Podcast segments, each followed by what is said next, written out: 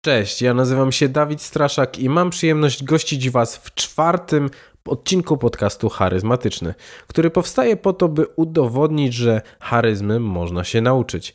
A dziś pomoże mi w tym Tomek Bąkowski, który opowie o wykorzystaniu kreatywności w biznesie. Z tego odcinka dowiesz się, skąd się wzięły rożki w lodach, jaka jest różnica między kreatywnością a innowacyjnością, czym jest i skąd się bierze myślenie typu inbox oraz out of the box, dlaczego większość ludzi źle przeprowadza burzę mózgów, czym są metody kreatywne i jak je stosować, jak sobie radzić ze słomianym zapałem, co to jest kreatywność przez duże K i jak jednym stwierdzeniem zabić w sobie kreatywność. Czemu przełożeni chcą kreatywnych rozwiązań, a tak naprawdę sami są ich największą blokadą. O tym wszystkim będę rozmawiał z Tomkiem, który na co dzień jest konsultantem, trenerem i facylitatorem w firmie Brainworks. Ucz tego, jak myśleć inaczej, tworzyć ekstremalnie niestandardowe pomysły oraz szybciej i lepiej rozwiązywać problemy. Pracuje wyspecjalizowanymi metodami kreatywnymi, aby rozwijać biznesy swoich klientów. A w jego portfolio znajdziecie przykładowo ING Bank Śląski, firmę Weissman czy Posad Media. Kierownik merytoryczny pionierskiego kierunku podyplomowego Tworzenie i rozwój startupów w Wyższej Szkole Bankowej we Wrocławiu. Wiecznie uśmiechnięty człowiek z poczuciem humoru, które rozbawi absolutnie każdego. Ale bez niepotrzebnych wstępów zapraszam do wysłuchania tego, czym Tomek się ze mną podzielił. Miłego podcastu. A, jeszcze jedno. E, podcast nagrywam w mieszkaniu i podczas wizyty Tomka miałem niewyrzucone śmieci. Specjalnie dałem mu talerzyk, na który miał położyć saszetkę herbaty po jej zaparzeniu, żeby nie zauważył pełnego kubła. Oczywiście postanowił wyrzucić saszetkę sam do śmieci, zauważył, że nie ma tam miejsca i przez całe nagranie wracał do kwestii niewyrzuconych śmieci.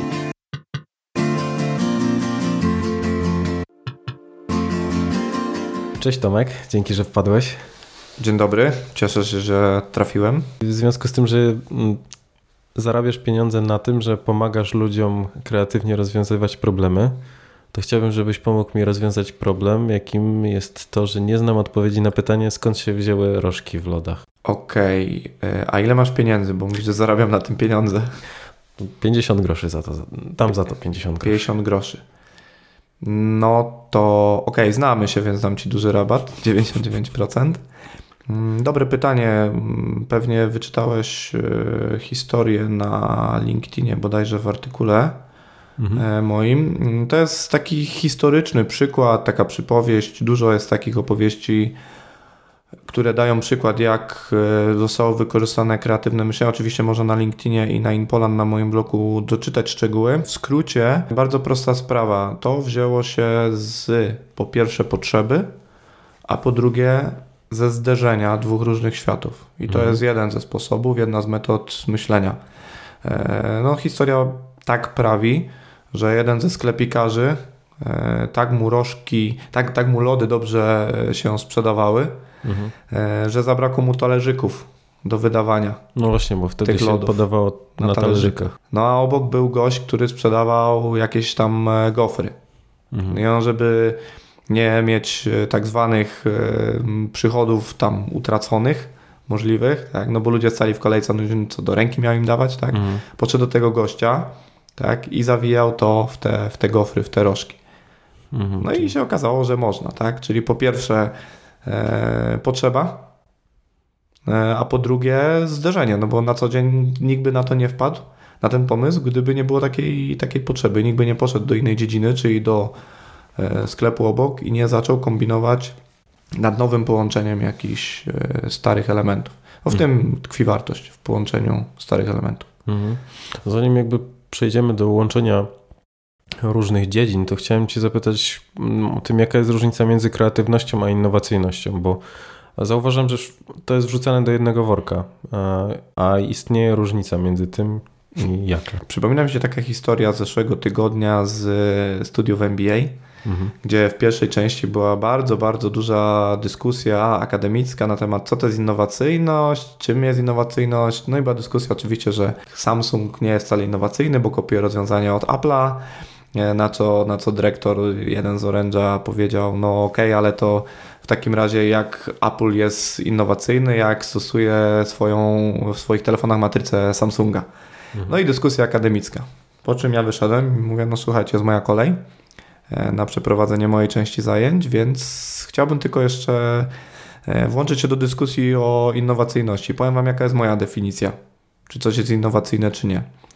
Jeżeli ktokolwiek cokolwiek wykombinuje i to cokolwiek wprowadzi na rynek i ludzie powiedzą, my wolimy Twoje rozwiązanie, a nie poprzednie, czyli zaakceptują tą zmianę, którą on wdrożył, to co co do zasady jest e, innowacyjne.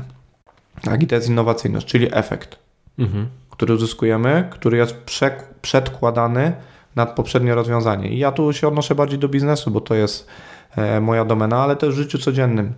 Wykombinuję nowy sposób, e, nie wiem. Wyrzucenia śmieci. Wyrzucenia śmieci na przykład u ciebie, tak? Mhm. Albo wykombinuję taki sposób, żeby się gość, który mnie zaprosił, którego zaprosiłem na podcast, nie dowiedział, że mam niewrzucone śmieci, więc dam mu talerzyk na herbatę, a on i tak tą herbatę pójdzie wrzucić do, do śmieci. No. Tak, więc musisz wykombinować nowy, trzeci sposób. Musiałeś to poruszyć. tak. I zrezygnujesz z poprzednich sposobów. Mhm. I wtedy, jeżeli zastosujesz ten nowy, no to jest to co do zasady e, innowacyjne, więc liczy się efekt. A kreatywność, e, no to jest umiejętność wykombinowania tego rozwiązania, czyli to jest stricte miękka umiejętność. Mhm. Wymyślenia wielu różnych alternatywnych, możliwych, niestandardowych, nieschematycznych, e, zaskakujących często rozwiązań, które rozwiązują ten problem. A mhm. innowacyjność to wdrożenie i uzyskanie efektu. Czyli kreatywność to jest myślenie, a innowacyjność to robienie? Można tak powiedzieć, tylko efektem, ja zawsze mówię o efektach. E, efektem kreatywności, myślenia kreatywnego jest dużo pomysłów, dużo koncepcji alternatywnych, nowych, niestandardowych, ale jednak rozwiązujących problem. A jeżeli jestem innowacyjny, to ja potrafię te pomysły wdrożyć i uzyskać efekt zmaterializowany, przeważnie w postaci pieniędzy albo tego, że ktoś wybrał moje rozwiązanie, a zrezygnował z poprzedniego. Myślenie versus działanie, można powiedzieć. Nie, bo zastanawiam się, czy w takim wypadku kreatywność zawsze musi być przed innowacyjnością. W sensie, że. I w trakcie. I w trakcie. Rozmawialiśmy o tym, jakie się problemy pojawiają podczas realizacji. Ja zawsze mówię, o to wymyśliliśmy, no to już teraz będziemy działać. Ja mówię, nie, nie, teraz to dopiero potrzebujecie e, tak naprawdę think tanku i kreatywnego myślenia, bo każde rozwiązanie jedno generuje 10 nowych problemów. No właśnie, to zostańmy od razu przy tym, nie? bo ludziom e, mam wrażenie, że wydaje się, tak, że kreatywność to jest znalezienie jednego idealnego, genialnego rozwiązania, to czego nigdy nie było wcześniej. I tyle. I że praca tutaj już jest wykonana i nic więcej nie trzeba. A jak już sam słusznie zauważyłeś, e, że dopiero wtedy zaczyna się tak naprawdę, zaczynają się pojawiać problemy i, i wyzwania. Mhm. Na przykład, e, ja zawsze lubię się posługiwać historiami, których doświadczyłem e, naprawdę. Mhm. E, I w fabryce BMW w Lipsku, gdy byliśmy tam z wizytą, w iPlant, czyli w części fabryki, w której produkują już elektryczne samochody, no powiedzieli, że ja oczywiście zapytałem tam jakiegoś szefa produkcji, mówię, dobra, słuchaj, no super rozwiązanie, nowoczesne, mega i tak dalej, ale jakie problemy Wam wygenerowało to rozwiązanie, bo mnie to najbardziej zawsze interesuje. Mhm. A on mówi, no problem jest taki, że będzie więcej wypadków, gdy będą elektroniczne samochody. A ja mówię, no ale jak? No on mówi, ja słyszałem, że tam przejechał właśnie samochód. Ja mówię, no nie, no ludzie nie będą słyszeć, że coś jedzie. Mhm. I będzie więcej wypadków. I mówi, to jest kolejny problem. Ale ty już mówisz o tym, co w momencie, kiedy dojdziemy do samego końca, tak? Mhm. Czyli w momencie, kiedy zaimplementujemy Tak, to, to, był, to był ten przykład, ale oczywiście w trakcie realizacji bardzo dużo się e, problemów pojawia, no bo jest wiele rzeczy, których na początku, gdy stawiasz jakąś tezę, tak, zrobię podcast, mhm. będzie fajnie. Nie przewidzisz, bo nigdy tego wcześniej nie robiłeś i nawet osoby, które ci doradzają, nie są tobą i nie wiedzą, co się stanie. Mhm. Więc wtedy dopiero się pojawia pole do, do kreatywności i rozwiązywania codziennych problemów, a nie tylko budowania tych wielkich koncepcji. Tutaj bardzo fajnymi metodykami są metodyki zwinne, między innymi w oprogramowaniu, czy w projektowaniu samych rozwiązań, Lean Canvas, czy też Agile.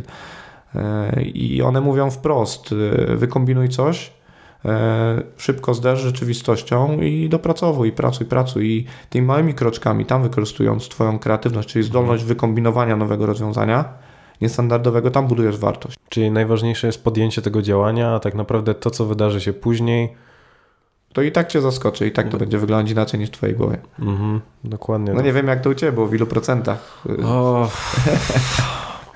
U mnie tak no- przeważnie jest to 70 do 90. ale w, jak, w 90% rzeczy jest e, takich, które cię zaskoczyło? Od 70 do 90, których nie Mhm. przewidziałem na etapie przygotowywania. Co innego, gdy robisz rzeczy, które są no, standardowe, tak? Mhm. To, No to, to ten procent jest mniejszy, ale jak robisz coś nowego, eksperymentujesz, no to dużo rzeczy cię zaskoczy. No zgadzam się. Mhm.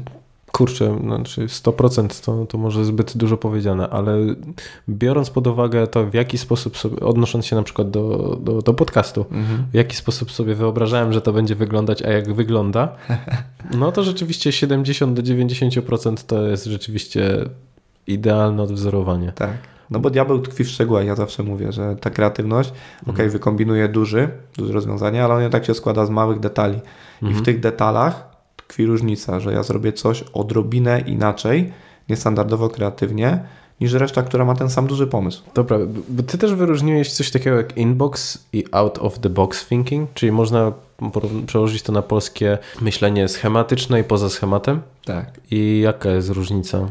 Mm, To jest tak. Ja mówię o tłumaczenie jest wprost. W pudle albo poza pudłem. Mhm. Dokładnie. Jesteś albo zamknięty, jak w pudle, czyli w celi, i masz możliwość szukania rozwiązań tylko w tej celi, tylko w tym pudle. Więc przestrzeń do eksploracji jest taka, na ile pozwala ci to pudło. I to jest myślenie inbox.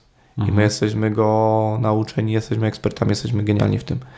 Nawet e, dzisiaj trafiła mi się taka bardzo fajna wizualizacja em, błędów edukacji, systemu edukacyjnego. O tym się mówi, tak, że my produkujemy roczniki, że mm, uczymy niepotrzebnej wiedzy i tak dalej, ale ona jest bardzo fajnie e, pokazana. E, umieściłem to oczywiście na moim fanpage, żeby sobie ludzie mogli zobaczyć e, i, i, i spojrzeć. No bo problem leży w tym, że jak przychodziłeś do szkoły, nie wiem jakie szkoły Ci się udało skończyć, domniemam, że trochę, więc możemy na ten temat porozmawiać, to o 8 godzinie w podstawówce miałeś jaki przedmiot? Nie wiem, polski? Język polski, tak? No. Później miałeś przerwę, tak? Zamykałeś zeszyt od polskiego, chowałeś to do ternistra, wychodziłeś od klasy, z klasy od polskiego, machałeś pani od polskiego, która jest ekspertem, Mhm. myślałeś o klasówce, czyli będziesz ekspertem od języka polskiego, później o maturze, czyli no zdałeś prawie że tytuł naukowy. Zamykasz to wszystko, idziesz na. Matmy. A jeszcze jest wcześniej coś. Chyba, że byłeś w takiej szkole, gdzie nie było przerw. Nie no, było, no przerwa. No właśnie, nikt, mało kto o tym mówi, tak? Potem mam matematykę. I znowu to samo, otwieram drzwi, otwieram inny zeszyt, otwieram inną dziedzinę, mam innego eksperta, zdaję inny egzamin. Mhm. Lepiej albo gorzej, w zależności od tego, jakie ja mam predyspozycje. Mhm. Ale nikt się ciebie nie pyta o predyspozycję. Masz jedno pudło umieć, zamknąć, potem drugie pudło. Potem masz znowu przerwę i jaką masz lekcję? Historię? Historię. Tak? I znowu ten sam schemat. Ja zawsze zadaję pytanie, słuchajcie, dobra, jak to wygląda w firmach? Masz osobno dział logistyki, dział sprzedaży, dział finansów. Znowu jesteś specjalistą w danej dziedzinie. Gdzie się w Mhm. firmie najlepsze rzeczy dzieją, gdzie się ludzie pomysłami wymieniają? W marketingu? No, w marketingu, ale jak chcesz z kimś się spotkać, to najszybciej go w jakim pomieszczeniu spotkasz? W kantynie. W kantynie, w kuchni, No. tak? Bo to jest taka przerwa i tam się zderzają różne dziedziny, a na co dzień siedzimy też w silosach. Mhm. Problem jest w tym, że jak ja zadaję pytanie, co miałeś z matematyki historycznej w szkole? To nie było takiego przedmiotu. No nie było. Tak. No. Najlepsze rzeczy w szkole dzieją się gdzie? Na podwórku. Na podwórku, na przerwie. boisku, no. Nie? Bo wtedy może zderzyć te dziedziny. Mm. I dlatego mm, ja mówię, że my jesteśmy nauczeni myślenia w danym pudełku. Mhm. A tak naprawdę e, rozwiązania dzieją się najlepsze, nie te marginalne w danej dziedzinie, nie te, gdzie ja szukam tylko w jednym obszarze, tylko przełomowe, gdy łączę te pudełka, gdy biorę rozwiązania z jednego pudełka, wkładam do drugiego albo z trzech i zdolność, mój umysł potrafi to połączyć. No bo zaśmiałeś się, jak powiedziałem, a z matematyki historycznej co miałeś? No A, nie wiem. No. No, no nie miałeś nic, tak? Ale śmiech, mówi okej, no ale to jest zaskakujące. Nie, bo teraz jak sobie pomyślę o odniesieniu tego rzeczywiście do pracowania w e, firmach, Mhm. to nawet nakazuje się, żeby myśleć w, e, pozostając w tych pudełkach. Bo Tak. mówi się, ok, my zajmujemy się tym projektem e, ze strony logistycznej, ale no to już resztę zostawiamy sprzedawcom, tak? Broń Boże nie dotykać. Tak, broń Boże nie dotykać, a jakbyś poradził albo zapytał tamtych, Może, znaczy zapytał, to może ci Tak. odpowiedzą, ale rady na pewno nie przyjmą, no przecież to nie jest twoja broszka, nie? Tak. Masz rację m, i to jest bardzo potrzebne, bo specjaliści muszą być, no bo ktoś musi o czymś znać bardzo dogłębnie, Mhm. ale to już dzisiaj nie wystarcza, gdzie powtarzalne instrukcje będą się sprawdzać. Ty potrzebujesz nowego sposobu myślenia, nowego sposobu kolaboracji i myślenia pomiędzy tymi dziedzinami, dlatego my, gdy robimy projekty, to robimy zespoły cross-funkcyjne. Co to znaczy? Na przykład, gdy robiliśmy sesję kreatywną dla logistyki, to w zespole był oczywiście ludzie, którzy pracują w spedycji, oczywiście ludzie, którzy tam zajmują się rzeczami związanymi z ładunkami, był kierowca, który na co dzień rzuca niewybrednymi żartami przez CB, tak, Mhm. więc też sobie żarty postroiliśmy E, i firma zgodziła się na to, żeby mieć, żeby był też dostawca i też był klient, dla którego oni pracują. Mhm. Więc to jest cross-funkcyjny zespół, gdzie jeżeli masz jakiś proces albo projekt i różni ludzie na różnym etapie mają z nim styczność, to ty bierzesz wszystkich. Po pierwsze, mieć punkty widzenia różne, Mhm. a po drugie, żeby mieć różne dziedziny i każdy, z każdej dziedziny, żeby coś wziąć fajnego. Mhm. Czyli każdy wtedy wypowiada się, w jaki sposób on widziałby to, jak to będzie zaprojektowane, jak to będzie funkcjonować. I to nie jest na zasadzie, że wypuszczamy produkt, który jest stworzony w laboratorium Tak. i nie miał styczności z takim prawdziwym doświadczeniem tego. Absolutnie, absolutnie. I siła leży w facylitacji, w moderacji takiego zespołu, bo oni na co dzień ze sobą nie współpracują. Oni tych swoich pudełek nie dotykają, gdzie logistyka, sprzedaż ci dotknie, zapomnij. No tak. Więc siła leży w tym, w facylitacji, w uwolnieniu tego, żeby oni ze sobą pracowali. I tym też się właśnie zajmuję. To jest bardzo ciekawe, gdzie 8 lat temu, jak zaczynałem, to ludzie się w głowę pukają, a dzisiaj, e, gdy wracam z konferencji na WPT, powstaje Nokia Garage, tak, gdzie oni mówią, my nie chcemy uczyć ludzi tego, co my robimy, tylko żeby wpadli do nas, żebyśmy mogli zderzyć się z zewnątrz. Mhm. No i jakie są największe wyzwania w takiej pracy facylitatora? Wiesz co, nie ma żadnych wyzwań tak naprawdę. Nie wiem, mi to jakoś idzie naturalnie. Mhm.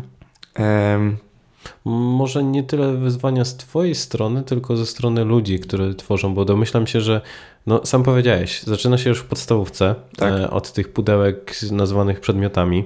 Potem w pracy tak naprawdę cały czas propagujemy ten system. E, Więc jak to zrobić, żeby wyzbyć się tego poczucia, że my musimy siedzieć w swoich Mhm. pudełkach i właśnie dążyć do takiego połączenia mm, poza schematami? Mhm. Dobre pytanie. Muszę się zastanowić w ogóle, jak ja to robię, że to tak wychodzi. A trochę nieskromny jestem. Ale co tam, no, zaprosiłeś mnie do podcastu. Wiesz co, e, to co mi się sprawdza, to wrzucenie ludzi w głębokie doświadczenia. Więc e, na przykład, gdy, a mogę powiedzieć, pracowaliśmy z zespołem e, designu w e, Amreszcie, oni mają innymi Starbucks i KFC, tam byli z wszystkich tych marek, to odwróciłem warsztaty i sesję kreatywną, zamiast tłumaczyć ludziom po co to jest, po prostu dałem im zadanie do rozwiązania, żeby wyciągnęli wnioski. Mhm. No i wyciągnęli wnioski pod tytułem, że muszą spojrzeć z wielu punktów widzenia. Jeżeli ktoś sam dorosły dochodzi do takich wniosków, to on szuka rozwiązań, bo wie, że mu to będzie pomagać. Więc później już wystarczy tylko historia o pudełkach, uświadomienie tego i oni nawet bawią się po tym, mówią, słuchaj, zajrzymy do twojego pudełka, co ty, a co, co ty powiesz, co ty masz w tym swoim pudełku, bo w moim to ja wszystko wiem, co jest. Więc y, doświadczenie, bo dorośli ludzie uczą się przez konfrontację własnego doświadczenia z tym nowym, e, co, co, co poznają, z czego wyciągają wnioski, e, plus jednak podejście do tematu na luzie. Mhm. Bardzo fajne, takie, takie normalne, tak, że, że każdy jest trochę e, inny i czerpmy z tych innych pudełek. Bo Mhm. faktycznie masz rację, gdybyśmy e, tego elementu nie robili, no to ludzie by się, kolokwialnie mówiąc, zaciukali, pozamykali w tych pudełkach i koniec. No właśnie, bo to jest prostsze, żeby zostać w pudełku i nie kontaktować się z innymi, bo domyślam się, że to jest pewien wysiłek poznawczy. E, Tak, bolesny czasami, Słucham? bolesny. Właśnie, bolesny, nie? Tak. I, I w jaki sposób to e, zachęcać do ludzi, znaczy zachęcać do ludzi, zachęcać ludzi do tego wysiłku. Wiesz co, zabawa. Bo mm, często ludzie myślą, że myślenie kreatywne, innowacyjne, że to jest wejdziemy na stoły, będziemy tańczyć i jeszcze nie daj Boże spożywać napoje rozluźniające. Mhm. I dzięki temu pojawią się rozwiązania z kosmosu, i Tak. które będą. E, Co jest po części e, prawdą, ale nie chodzi o zabawę jako efekt, tylko o odpowiedni nastrój, który powoduje u ciebie relaks, podnosi też dopływ tlenu, śmiech, tak, Mhm. bo umysł pracuje na tlen, cukier i wodę e, i tym trzeba odpowiednio sterować. Więc bardziej taki klimat rozluźnienia, ale jednak pracy, że my się tu dobrze bawimy, ale dla efektu. Mhm. Więc połączenie tych dwóch rzeczy. I na tym właśnie polega facylitacja, żeby tego pilnować. Z jednej strony e, nastroju Nęcka, profesor, nazywa to nastrojem ludycznym, a ja mówię po prostu rozluźnieniem i stanem skupienia. Można też to nazwać flow plus skupienia jednak na tym, na tym Czyli efekcie. nie ma możliwości, żeby dochodzić do rozwiązań kreatywnych w momencie, kiedy czujemy presję, jesteśmy, staramy się być profesjonalni i za Mhm. wszelką cenę wymyślić coś zmieniającego świat? To znaczy tak. są dwa sposoby i każdy naprawdę powinien wybrać swój, a moim zdaniem nawet stosować jeden i drugi. Mhm. Bo tak jak ja opowiadam o facylitacji, ona polega bardziej na tym, żeby okej, w danej jednostce czasu ludzie dobrze się bawili, w cudzysłowiu, pracowali nad konkretnym efektem. To jest raz.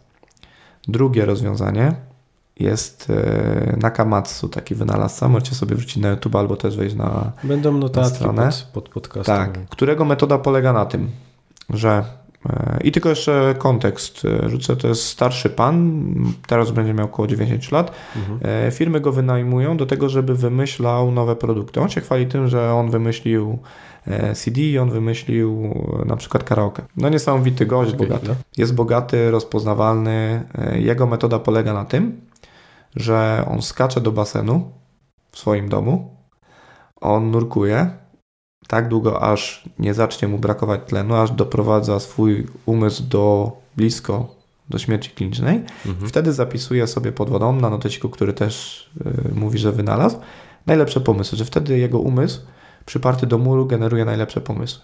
Próbowałem, bo ja wszystkiego muszę spróbować. Okej, nie wiedziałem, że E, masz basen u siebie, ale no to opowiadam. tak, no, teraz mam. musisz opowiedzieć, jak to E, wyglądało. I to jest też kwestia treningu, więc ja wtedy po prostu kilka razy spróbowałem. Nie musieli mi odławiać, ale, Ale mi rzeczywiście pomysły- korzystałeś w basenie, y, nurkowałeś do takiej gry. Normalnie w aquaparku, tak. Bo chciałem zobaczyć, czy to zadziała, czy nie. No ale on to x 10 lat już robi, więc No, jest z tym okej. wytrenowany. Dlatego ja mówię, każdy musi mieć swoją metodę. Więc mi się udało nie utonąć. To był mój sukces. Dobra, no. I e, często też ludzie pod presją czasu skupiają się i wymyślają naprawdę bardzo dobre rozwiązania. Na przykład na treningu, gdzie zespoły albo na sesjach kreatywnych, które mówią, ale my nie mamy czasu, jeszcze mówią nam e, klienci, że to ma być dobrze, tanio i szybko. Mhm. Ja mówię, no ale wiecie, że to jest niemożliwe. A oni mówią, no wiemy, no, no to, to nam nic nowego nie powiedziałeś. Ale ja mówię, ale na koniec warsztatów ja wam zrobię takie serie szukania rozwiązań, że się zdziwicie, jak szybko jesteście w stanie znaleźć rozwiązanie. I naprawdę, jeżeli da się odpowiednią metodę, odpowiedni framework, odpowiednio się postymuluje nastrojem ludzi, to oni wpadają na genialne rozwiązania. Bo Mhm. chodzi też o szybkie zmiany. Jeżeli coś nam nie działa, to musimy wykombinować coś nowego. E, I takie iteracje, więc, więc to funkcjonuje. W 15 minut są w stanie wykombinować taką koncepcję, że się nawet im nie śniło. I to pod presją czasu. Powiedziałbyś, że praca grupowa e, sprzyja tutaj generowaniu lepszych pomysłów, czy raczej indywidualna? To też e, zależy od charakteru. Mhm. E, Ja osobiście wolę zespołowo, a nawet jeżeli nie zespołowo, to szukać tych rozwiązań gdzieś na zewnątrz, szukać inspiracji. Są osoby, które nie tak jak ja, żeby coś pomyśleć, to muszą powiedzieć, Mhm. tylko żeby coś powiedzieć, to muszą pomyśleć najpierw. I wtedy się stosuje na przykład indywidualne e, formy rozwiązywania problemu, na przykład jak pisemna burza mózgów, gdzie każdy generuje indywidualnie rozwiązania, a potem je zderzamy na forum. To bardzo zależy od osobowości i od charakteru. Mam masę przykładów, gdzie ludzie się nie odzywali przez całe burze mózgów, e, a palnęli jednym takim pomysłem, że w- wszyscy wymiękali. Mhm. Bo on akumulował, on robił burzę mózgów u siebie w głowie. Dobra, a powiedz mi jeszcze, jak już jesteśmy przy burzy mózgów, to jak ją robić, żeby, nie, żeby robić ją prawidłowo? Nie robić. Nie robić? Nie robić. Okej. nie robić. Z jednej, nie nazywaj tego w ogóle burzą mózgów, bo to ma skojarzenia takie, że przyjdziemy, powymyślamy i nic z tego nie będzie. Jeżeli ja w firmie mówię, no ok, zrobimy burzę mózgów, to osoba decyzyjna już się napina i mówi, no okej, okay, czyli będą się wygłupiać, śmiać i nic z tego nie będzie, bo przeważnie tak to wygląda. Mhm. Nie prowadziłem badań, ale moim zdaniem 90, jak ktoś mi mówi, jakich metod, jak się pytam, jakich metod stosujecie e, w e, firmie rozwiązać problem, ktoś mówi, robi burzę mózgów, to ja mówię, to 90% tych waszych burz mózgów nie wnosi żadnych efektów. Z bardzo prostej przyczyny, że burza mózgów to jest tylko i wyłącznie narzędzie do szybkiego generowania dużej liczby pomysłów, a jest coś ważniejszego od pomysłów. Działanie. A wcześniej? No, bardzo ciekawa sprawa. Mm, Przemyślenie tego? Jo, można tak powiedzieć. Mm, patent leży w tym, że może opowiem taką historię. Mieliśmy kiedyś, e, to też opowiadałem na TEDxie, e, ale może nie każdy widział. Tam zachęcamy, no. Tam, tak, zachęcamy. Tam są na razie tylko cztery wyświetlenia, z czego trzy moje.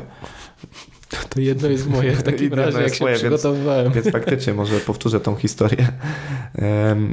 Mieliśmy człowieka w hotelu, E, który był odpowiedzialny za marketing. Mhm. E, problem tego hotelu leżał w tym, że stara część e, była bardzo nisko dochodowa, bo musieli też bardzo niskie stawki stosować, w związku z czym no, no, no mieli problem z rentownością. Ta osoba od marketingu, ten szef marketingu, na pytanie mm, nasze, tak, konsultantów, ok, co pan z tym zrobi, albo jaki pan ma pomysł, no to on powiedział, no potrzebuję pieniędzy, żeby to wyremontować. My tak na niego patrzymy, a ile pan potrzebuje?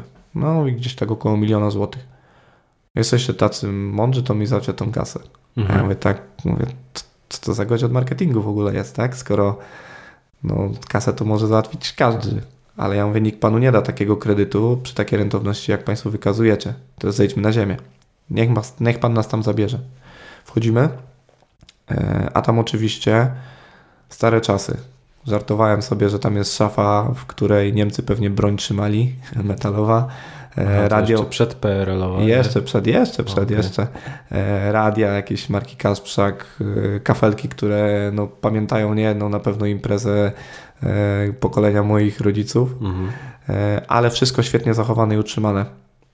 To było mega ciekawe. I pierwsza rzecz, jaka nam przyszła do, do głowy z Grześkiem wtedy, Grzesiu, przecież to, to po prostu tylko oferta, sprzedaż i kreatywność. Sprzedajesz wakacje w PRL-u. Nawet nyskę mieli, wystarczyło malować w policyjną i zrobić z tego po prostu ofertę. Mhm. Na co my do tego gościa mówimy, wie pan co, panie dyrektorze, że no sprawa wygląda tak, że można to zrobić tańszym kosztem. No ale co? Ja mówię, no a jakbyśmy spróbowali na tym zarobić? Bez remontu. Mówi, panie, nikt tu nie przyjedzie. Tak? Myśmy oczywiście zamieszkali potem w tej starej części, żeby też doświadczyć, żeby też zaobserwować i tak dalej, mhm. ale kluczem było to pytanie. On zadawał sobie pytanie, jak zdobyć kasę, żeby to wyremontować. Mhm. A my zadaliśmy inne pytanie, jak na tym zarobić, co już jest. I on nie był w stanie tego pytania zmienić, więc bez większych skrupułów napisałem w rekomendacjach, w strategii, że ten gość jest do zwolnienia. Bo albo zmieni pytanie w głowie, albo jego zmienimy. Mhm. I przed burzą mózgu, wracając do, do sedna, dlaczego nie robić burzy mózgów, najpierw zrobić burzę pytań, zastanowić się, czy my zadajemy prawidłowe pytanie, bo jak będziemy mhm. cały czas to samo pytanie zadawać, to burza mózgów nic nam nie da. Ale wiesz co, że to jest bardzo podobne, podobna sytuacja do tej, którą e, ja przechodziłem, bo pamiętasz, jak pytałem cię o to, w jaki sposób połączyć e, charyzmę i wywiady z ludźmi. Mhm. To było na twoich warsztatach i też się zastanawialiśmy nad tym. Jakby to długo mi zajęło, żeby odpowiedzieć sobie na to pytanie, żeby zmienić pytanie. Mhm. Zapytałem się, co łączy ludzi, z którymi ja chciałbym robić wywiady i charyzmę. Tak. I potem do, doszło do mnie, że oni są ekspertami w jakichś dziedzinach. I dzięki temu no, jesteśmy tutaj, tak? I rozmawiamy o tym, żeby wzmacniać charyzmę ludzi przez to, że, mm, że ktoś wysłucha eksperckiej wiedzy z zupełnie różnych podejść. Zobacz, kompletnie inny punkt widzenia na początku. Byśmy mogli wygenerować, ja wtedy pamiętam, że ja ci mogę wygenerować tysiące pomysłów na to, mhm ale to chyba nie o to chodzi. No właśnie. Bo jak masz nie to pytanie, to wchodzisz nie do tego pokoju i nie otwierasz te drzwi, o które chodzi. Więc najpierw jest burza e, pytań. I tutaj mówimy o takich metodach jak sześciu uczciwych sprzedawców, jak e, analiza ukrytych założeń, jak Phoenix Checklist, mhm. E, którą, którą mówisz, że, że lubisz, że Ci się najbardziej podoba. Możemy przejść przez tą metodę, żebyśmy, mhm. żebyśmy sprawdzili zastosowanie. Dobra, masz jakiegoś case'a, którego moglibyśmy, przez którego moglibyśmy przejść z Phoenixem? Wiesz co, mam bardzo ciekawego case'a, który no to, mówi... To już, już widzę po Twoim spojrzeniu, e, że to który, który, Skąd ja tą metodę w ogóle poznałem i jak poznałem autora tej metody. Mhm. Ja się tą metodą też bardzo często posługuję, bo ona, co do zasady, Michael tego nigdy nie potwierdzi, autor, ale ona została opracowana dla agentów e, CIA. I okay. oni z niej korzystają. To Agencja wywiadowcza. Jesteś bardzo... pewien, że możemy z tego korzystać? Mm, no, ja myślę, że no, mam nadzieję, że tak. A jak nie, to zawsze było miło porozmawiać. ja również dziękuję. No i patent w tej metodzie leży e, w tym, że ona jest bardzo szybka i bardzo sprawna, bo dzięki innym pytaniom ty automatycznie zmieniasz punkt widzenia i mhm. znajdujesz mhm. nowe obszary rozwiązań, których na co dzień e, nie widzisz i ona jest bardzo punktowa. Mm, jak to się stało, że torem do tej metody? Szukałem praktyków. E, I Michael, e, Michalko po polsku, Majczelko po angielsku, przez lata pracował i dla NATO, i właśnie czego on też nie potwierdzi dla CIA, e, właśnie rozwiązując kreatywnie e, problemy. I zgromadził metody, z których korzystał w kilku swoich książkach. Mhm. A do samej metody ona, jej siła leży w tym, że po kolei zadajesz sobie pytania z tej listy i po kolei te pytania mogą Ci otworzyć nowe możliwości. Z takich fajniejszych, ciekawszych case'ów e, była sytuacja taka, mm, że osoba na webinarze E, mówi, no, że boryka się z wdrożeniem ISO u siebie w organizacji mhm. i w ogóle z podejściem do tego tematu, że ludzie mają to gdzieś i tak dalej. E, ja już teraz dokładnie nie pamiętam, musiałbym spojrzeć na to nagranie, bo to było jakiś czas temu, ale ja wtedy powiedziałem, słuchajcie, nieważne jaki macie problem, czy on wymaga kreatywnego podejścia, czy nie, mhm. bo są też problemy, które można bardzo szybko rozwiązać i nie trzeba wcale kreatywnych metod e, to ta lista jest bardzo dobra do tego, żeby indywidualnie się odblokować i to bardzo szybko. Mhm. Ja mówię, słuchajcie, przeanalizujemy sobie dwa, trzy pytania, a potem dam Wam dwie minuty i zadawajcie, zadawajcie sobie po kolei te pytania i piszcie obok notatkę, co Wam przychodzi do głowy. Dosłownie trzy minuty. Dwie, trzy minuty, tak? Po czym napisałem na, w czacie, tak, ok, powiedzcie, jakie są rezultaty i które pytanie najbardziej rezonuje z Waszym problemem, bo tych pytań jest sporo. E, no i dziewczyna odpisuje, mówi, poprzez zadanie odpowiedniego pytania problem się sam rozwiązał. Nie potrzebuje żadnych burz i tak dalej. Nie pamiętam dokładnie, które ona pytanie, pytanie zadawała, ale to samo było na warsztatach e, właśnie w zespole design, e, chyba Starbucks czy, czy, czy Pizza Hut. Oni mówią, niepotrzebna była w ogóle burza mózgów. Wystarczy, że odpowiednio zadaliśmy pytanie. Oni akurat pracowali sześcioma uczciwymi sprzedawcami, to też jest metoda. Mhm. Więc zadawanie nowych pytań, a metody kreatywne mają to do tego, że przyspieszają ten proces, bo są ustrukturyzowane. Nie błądzisz, tylko w sposób działasz uporządkowany. I to jest ciekawe, bo działasz schematycznie, żeby myśleć kreatywnie. No właśnie, to też jest ciekawa sprawa, bo w momencie, kiedy ja się pojawiłem na Twoich warsztatach, to no gdzieś tam miałem przekonanie, że ta kreatywność to jest właśnie tańczenie po stołach i wiesz, i mm, szamaństwo pewnego rodzaju, które stworzy rozwiązania nie wiadomo skąd. Mhm. Okazuje się, że kurczę, to są konkretne schematy, konkretne tak. narzędzia, które stosujesz do, do życia i jak matematyka, no. Dokładnie. Podstawiasz do wzoru i otrzymujesz jakieś rozwiązanie, tylko że może nie tyle jak w matematyce jedno konkretne, tylko możesz sobie jakieś wybrać. Dużo alternatyw, to jest też, też racja i dokładnie, dokładnie tak jest.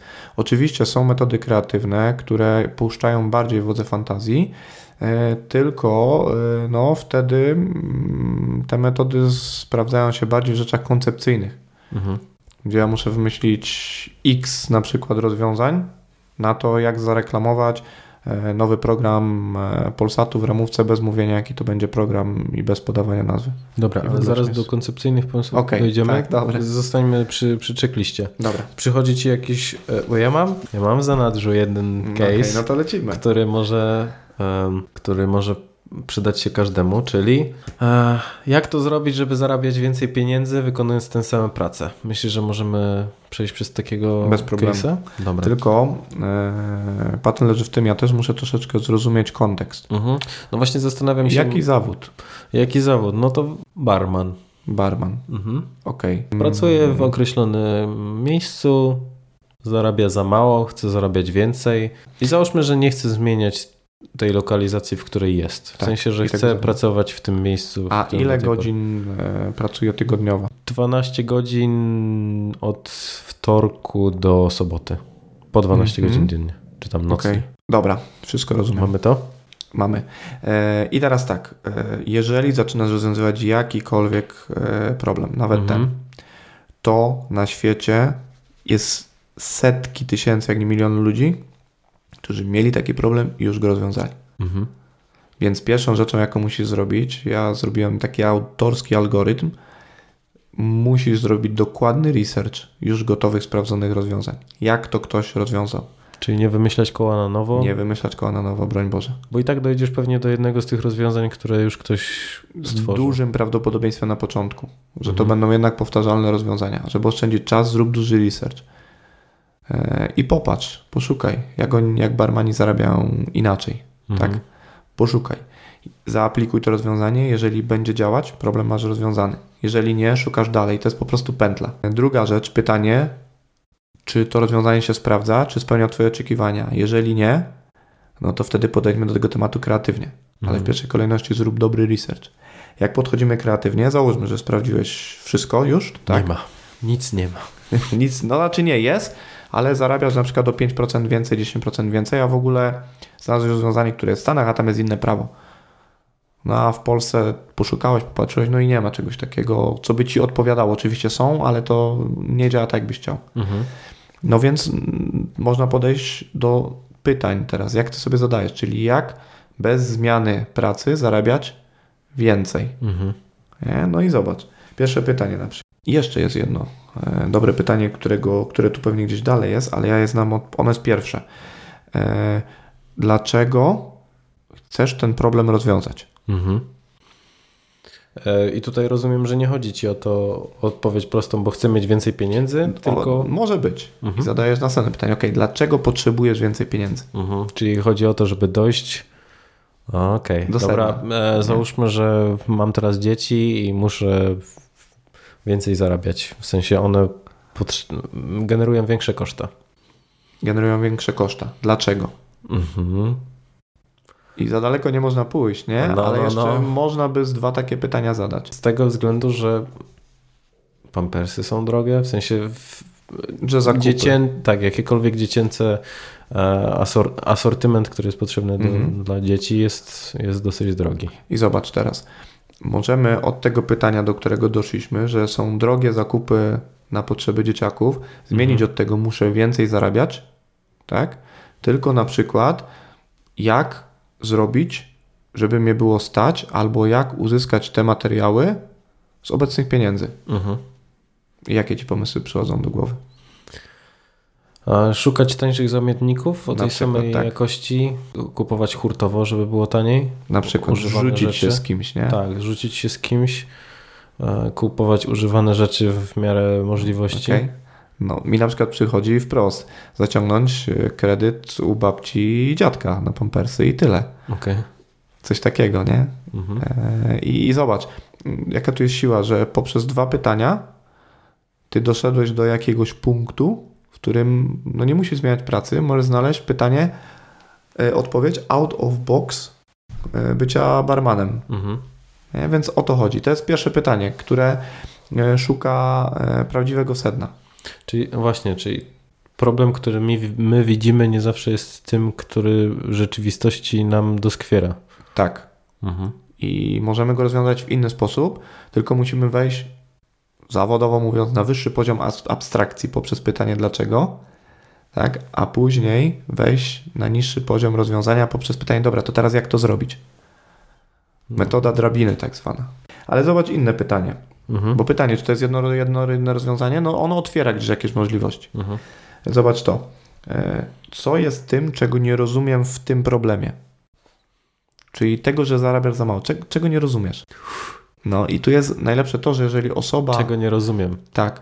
Dlaczego przy moich kwalifikacjach zarabiam wciąż te same pieniądze? No właśnie. Dlaczego? Przy twoich kwalifikacjach. Tego nie Mhm. rozumiesz, nie? I teraz zobacz, jakbyś to zrozumiał, tak? Czy otworzy, otworzyłoby ci to? Załóżmy, że odnoszę się do tego, że moi koledzy barmani zarabiają więcej, Na przykład. czyli możemy dojść, że to kwest... problematycznym jest akurat ten człowiek, którego pracuję. No na przykład. Tak? Mhm. I zobacz, tu nie ma jakichś przełomowych rozwiązań, ja też o tym mówię, ale pytania ci strukturyzują, punktują. Tak? I selekcjonują te różne powody, różne obszary, gdzie możesz uderzyć. Szukajmy dalej. Co nie jest problemem dla ciebie w tym wypadku? To jest jedno z lepszych pytań. No to właśnie, to właśnie dla mnie jest najbardziej problematyczne, bo nie za bardzo rozumiem, co nie jest Zobacz, problemem. pracujesz w barze po 12 godzin, Mhm. tak? E, chcesz więcej e, zarabiać. Czyli E, skupiam się na tych pozytywnych aspektach tej No pracy? właśnie nie. Skupiasz się na tym, co w znalezieniu dodatkowego dochodu, tak, czy innego dochodu nie jest dla Ciebie problemem. Mhm. No co nie jest, No dobra, pracowanie więcej jest problemem. okej? Jest? Zmiana środowiska jest problemem, Mhm. w sensie zmiana pracodawcy. Jasne, Nie jest problemem zmiana stanowiska. okej. Nie U tego pracodawcy. U tego samego pracodawcy. tego samego pracodawcy, nie? Czyli załóżmy, że to będzie jakiś awans. No szefie, zostanę menadżerem. Albo szefie, zrobię jeszcze dodatkowo, nie wiem, jakiś tu zrobimy występ, ale załóżmy, że ja marżę od tego zgarnę, Mhm. nie? Co jeszcze nie jest problemem? Kurczę, nic więcej nie przychodzi mi do głowy. Wystarczy jedno, wystarczy Mhm. na początek, nie? Bo to o to chodzi, że nie skupiamy się na tym, z czym walczymy, tylko patrzymy na to, ok, co ja mogę zrobić łatwo, szybko i o czym nie myślałem, że mogę zrobić, co jest bezproblem, bezproblemowe dla mnie. Które elementy są stałe, niezmienne, które mogą być zmienione? Co jest niezmienne? Mm, godziny pracy, Mhm. pracodawca. Wiesz co, to wydaje mi się, że to mocno, z, mm, mocno jest związane z tym, co powiedziałem przed chwilą, czyli właśnie możliwość e, zmiany obowiązków, Okej, co jeszcze? Może zmiana funkcjonowania samego lokalu, żeby przychodziło więcej ludzi, bo Na wtedy przykład. będę miał więcej pieniędzy z Na napiwków, przykład? Co nie jest też problemem? Ej, przepraszam, teraz jesteśmy. co może, Co, może ulec zmianie? co może ulec zmianie. Mhm. No tyle. Wiesz, ciężko też mi się mm, jakby ustosunkować do tego. No, pytanie jest jeszcze e, następujące. E, co może ulec e, zmianie? Może na przykład ulec zmianie czas, jaki wykorzystuje po pracy. Mhm. Nie? Może, no nie wiem, na przykład e, m, są takie stoiska na, na wesele, że sobie możesz zamówić z barmanem razem. Okej. Coś takiego. Nie? Czyli Ale jakby wyjście poza tą, poza kwestię samych obowiązków stania za barem w tym danym miejscu. Na przykład, tak? Tylko tutaj tak faktycznie, jak, jak widzisz, osobie, która jakby z tym case'em przychodzi, czasami jest trudno odpowiedzieć na te pytania, bo potrzebna jest dodatkowa facylitacja. Mhm. Nie? Czasami trzeba to troszeczkę tak upłynnić i, i, to jest, i to jest ważne. E, Czy widziałeś kiedyś podobny problem? Czy znasz kogoś, kto już taki problem rozwiązał? Czy możesz zastosować jego rozwiązanie? To jest też pytanie o research, ale ono jest tu bardziej konkretne. Czy znasz kogoś, kto miał podobny problem? No sądzę, że całkiem sporo ludzi. Tak. Jak nie znasz, Mhm. to zadzwoń do mnie, bo ja bardzo dużo ludzi znam i spróbuję na kogoś znaleźć. Dobra. Okej? Czyli numer to do Tomka też będzie podany. Zdecydowanie tak. Czy widziałeś kiedyś analogiczny problem w innej formie? To jest bardzo dobre pytanie. Mhm. To jest To mi się najbardziej podoba. element synektyki, czyli ja szukam core problemu, ale w innym analogicznym świecie. Tutaj core polega na tym, że ja mam ograniczony czas pracy, nie mogę już więcej z niego zarobić, bo mam stawkę za godzinę. Czy jest też gdzieś indziej taki problem w jakimś innym analogicznym, nie wiem, zawodzie, świecie, że mam ograniczony e, czas i ograniczoną e, stawkę za godzinę i nie mogę Mhm. nic zmienić. Wydaje mi się, że kurczę, mnóstwo jest takich miejsc pracy, w których właśnie to, to, to jest ograniczeniem. Mhm. No, moja praca na przykład jest, jest bardzo ograniczająca, bo ja mam e, tyle godzin, a nie więcej, tyle mogę zrobić sesji, tyle mogę zrobić projektów. Mhm. Jestem jeden. Więc jak to mogę rozwiązać? No, na przykład poprzez działania online, Mhm. Że ja Albo w danym... zatru- zatrudniając kogoś. Albo, za, o, albo zatrudniając kogoś, tak? Mhm.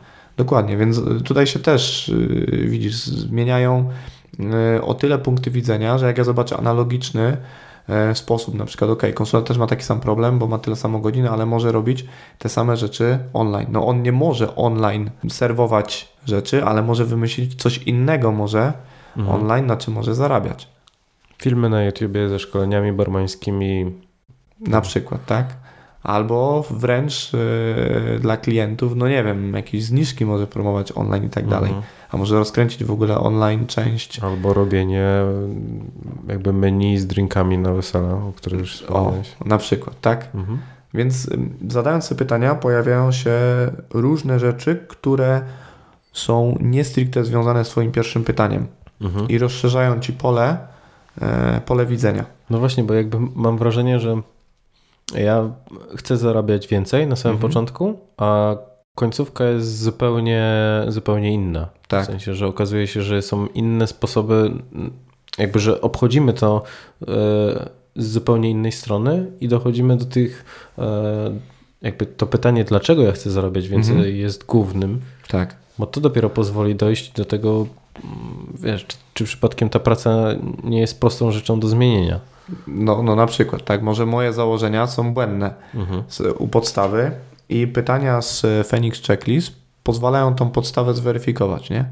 No jak ja sobie zadaję pytanie, ile ja mogę więcej zarabiać w tej pracy, to w pewnym momencie dotykasz ściany, czy szklanego sufitu i dopóki nie zmieniasz pytania, nie zmieniasz swojego myślenia, no to nie znajdziesz odpowiedzi, bo będziesz się odbijał od ściany. Mhm. Możemy trenować Phoenix Checklist z ekstra. Zmęczyłeś mnie tymi pytaniami. A to kto, kto tu kogo miał pytać? Dobra. I teraz tak, jeżeli chodzi o metody kreatywne, to znowu wracamy do pojęcia samej kreatywności, czyli one uwalniają ci mm, sposób myślenia. Sam sposób myślenia. Że ja widząc problem, wpadam na inne pomysły.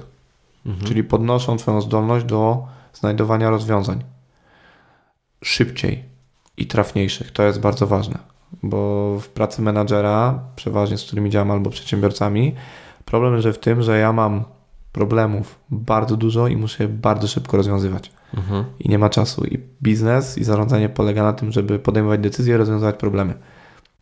I teraz korzystając z metod, możesz ten proces sobie przyspieszyć, tylko musisz wiedzieć, z jakim case'em masz do czynienia i jaką metodę zastosować. Jeżeli ja mam tych metod teraz w portfolio około tam 39, teraz troszeczkę więcej, bo dwie takie fajne znalazłem, nowe. E, nurkowanie w basenie odejmuję, bo jest niebezpieczne. E, to musisz wiedzieć, którą metodę kiedy zastosować. Mhm. I e, pierwszą rzeczą, jaką należy zrobić, to zadać sobie pytanie, czy to jest problem, w którym muszę znaleźć sedno i rozwikłać, dotrzeć do sedna, czy to jest problem koncepcyjny, gdzie ja muszę zrobić wodotryski, fontanny i konfetti żeby ludziom szczeny opadły. I zobacz, burza mózgów nie jest ani do jednego, ani do drugiego.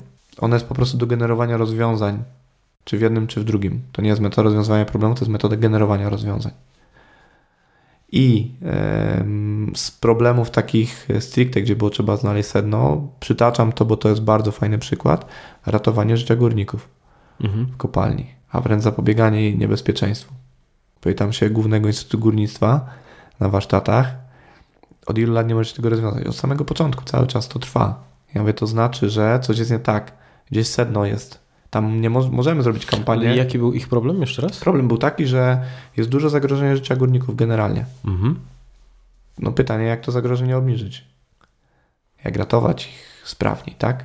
Mhm. I teraz no tutaj... to, to, są chyba dwie różne rzeczy, nie? Czyli jak obniżyć niebezpieczeństwo, w jakim oni się znajdują, a jak ich ratować sprawniej. Wiesz co, tak, dokładnie. Tylko na tym etapie warsztatowym to nie ma aż takiego dużego znaczenia. Gdybym podchodził do tego, gdybyśmy zespołu podchodzili do tego tematu e, już e, tak, żeby rozwiązać ten case, czyli zlecone mhm. działania pod kątem rozwiązania, sesja kreatywna, wdrożenie i tak dalej, to wtedy byśmy się rozdrobnili na takie elementy.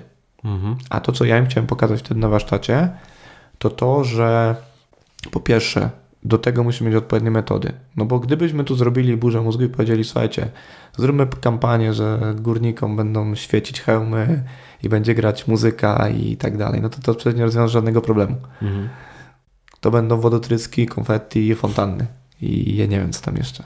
I lasery. Nie te metody. Tutaj są metody potrzebne, które pozwalają ludziom, które, którzy borykają się na co z tym problemem, spojrzeć na niego z innej perspektywy i podzielić go na elementy. Cały problem jest bardzo duży. Tak? I bardzo fajną metodą jest sześciu uczciwych sprzedawców. Mhm. Gdzie po kolei zadajesz pytania, kto, co, e, kiedy, gdzie, dlaczego i jakimi sposobami, i potem budujesz nowe pytania z tych elementów. I ta metoda przeważnie robi takie wrażenie na ludziach, że mówią, nigdy w życiu nie patrzyłem na to w ten sposób. Mhm. Tak? Mam wrażenie, że ogólnie te metody kreatywne powodują, że ludzie myślą sobie, nigdy nie spojrzałem na to w ten sposób. I tak. właśnie to jest jakby największą wartością tych rozwiązań, że to, to spojrzenie z zupełnie innej perspektywy mhm. pozwala dojść do rozwiązania. No ale dobra, i, jak, i, i co wypracowaliście? E, tam sytuacja skończyła się na tym, że powstało pytanie, w jaki sposób e, osoby decyzyjne, czytaj zarząd, może podejmować lepsze decyzje na swoich, e, w sytuacjach, gdy podejmują to, te decyzje, mhm. E, dzięki którym górnicy będą bezpieczniejsi. Mhm. I było poprzez alarmowanie. No pytanie takie z czapy, ale ktoś powiedział, mówi, zróbmy tak, że ten alarm, który wyje tam na dole, podciągnijmy do biura zarządu, niech oni zobaczą, że on potrafi kilka razy dziennie wyć i że jest takie zagrożenie, żeby nie zapomnieli, że tam na dole są ludzie. Mocne. I no, co? mega mocne. I, ale Aż za każdym, razem, za każdym razem zaraz dokończę, bo to jest kluczowe pytanie. No. Od razu przychodzi na mnie za każdym razem, gdy tą historię opowiadam, to mam ciarki na plecach albo łzy mi się cisną na oczy. Mhm. Bo gdy ci ludzie wychodzili z tych warsztatów, ja się zapytałem, dobra, kiedy to robimy? Bo to jest banalne, tam nie trzeba żadnych nakładów i tak dalej. Poklepali mnie po plecach i powiedzieli, nie, panie bo to jest za odważne. Nie zróbmy tego. I mnie tak to wkurzyło wtedy, że powiedziałem, mówię, no przecież co to ma być? Gdzie macie jaja, gdzie macie odwagę? Rozwiązanie mhm. jest nie idealne, ale trafia w sedno, oni będą lepsze decyzje podejmować, będzie tam, leży, tam leżał problem, nie w technologii, nie w edukacji. Oczywiście to są jakieś elementy, ale sześciu uczciwych sprzedawców odkrywa sedno, nie da się nic pod dywan zamieść. I się tak wkurzyłem, że powiedziałem, że już nie będę takich rzeczy robił i że zajmę się projektami bardziej wdrożeniowymi, żeby widzieć te efekty. Mhm. A tam to nie zostało zrealizowane. Ale chętnie bym tam wjechał jeszcze raz to zrobił, żeby im przypomnieć, żebyśmy to zrobili. Mm, I to jest przykład y, zadania problematycznego, gdzie chodzi o sedno. Można powiedzieć, że problemem, do którego doszliście, było to, że decyzje podejmowane przez zarząd nie uwzględniały jakby w, w całości zwracania uwagi na bezpieczeństwo górników. E, I ten pod... dzwonek tak. miałby im cały czas o tym przypominać. Dokładnie tak, mhm. dokładnie tak. Oni podejmowali decyzje, ale na akceptowalnym stopniu ryzyka, jaki był zawsze. Okej. Okay. No, nieźle. Bardzo ciekawe zadanie. W tym rozwiązywaliśmy również problem bezdomności w Pradze. Mhm. E... No to jest bardzo ciekawy case. No, opowiedz, jak to wyglądało. No nie jest mega. To było akurat tak, że w Lipsku na warsztatach podczas światowej konferencji takiej organizacji JCI zostałem zaproszony, żeby warsztaty poprowadzić. Super w ogóle wyróżnienie. Ludzie z całego świata. E, i ktoś zgłosił case, mówi ok, no to problem ludzi bezdomnych, jesteś tam jakąś fundacją w Pradze. Mhm. Ja mówię, dobra, jedziemy. Tak?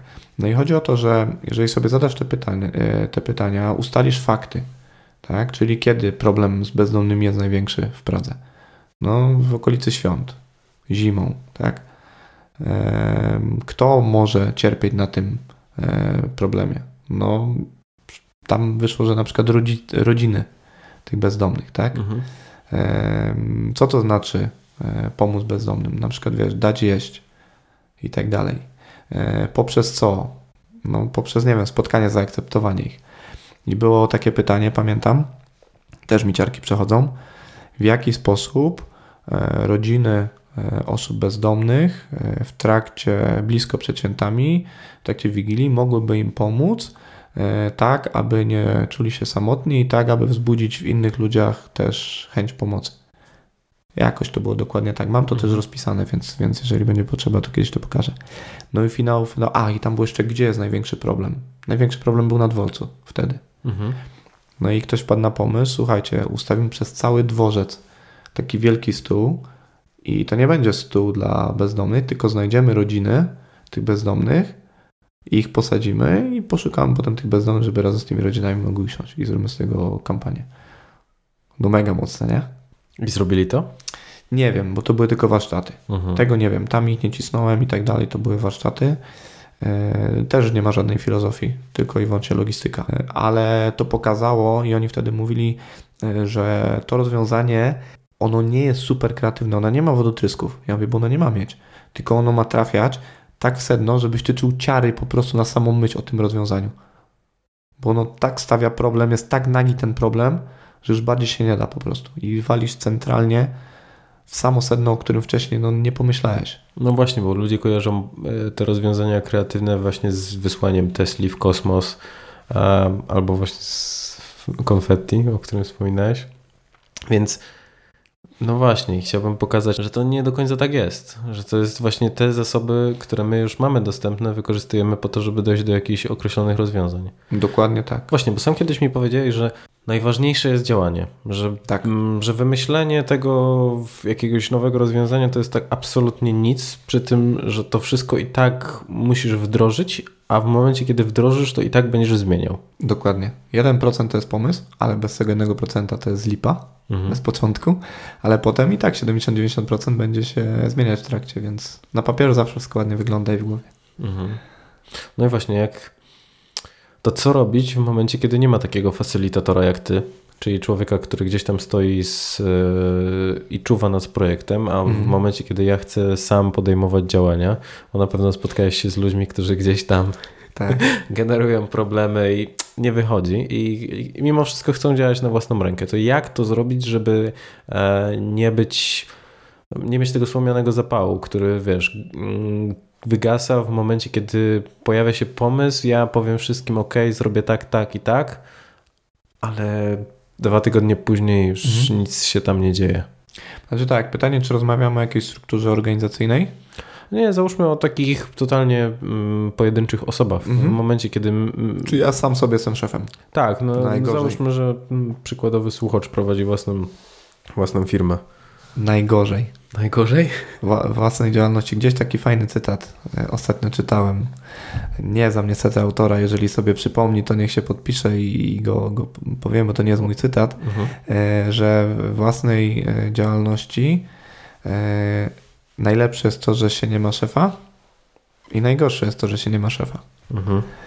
No bo musisz się samodyscyplinować. Teraz jeżeli chodzi o realizację, przeważnie ludzie kreatywni, którzy czerpią radość i energię z tego, że wymyślają, e, nie czerpią tej radości i tej energii z tego, że to realizują. Mhm. I pojawia się coś takiego, że jak po górce, gdzie pojawiła się energia, przychodzi do realizacji, która jest mega kreatywna, bo wtedy się musisz wykazać w tych drobnych elementach, nie w tych wielkich koncepcjach, tylko w tych drobnych elementach, gdzie diabeł pochował tam te, te szczegóły, tak? Mhm. I tam tkwi wartość. To oni się demotywują, mówią o matko, znowu trzeba robić, znowu jakiś problem, znowu coś. No, w głowie, w koncepcji to wyglądało pięknie.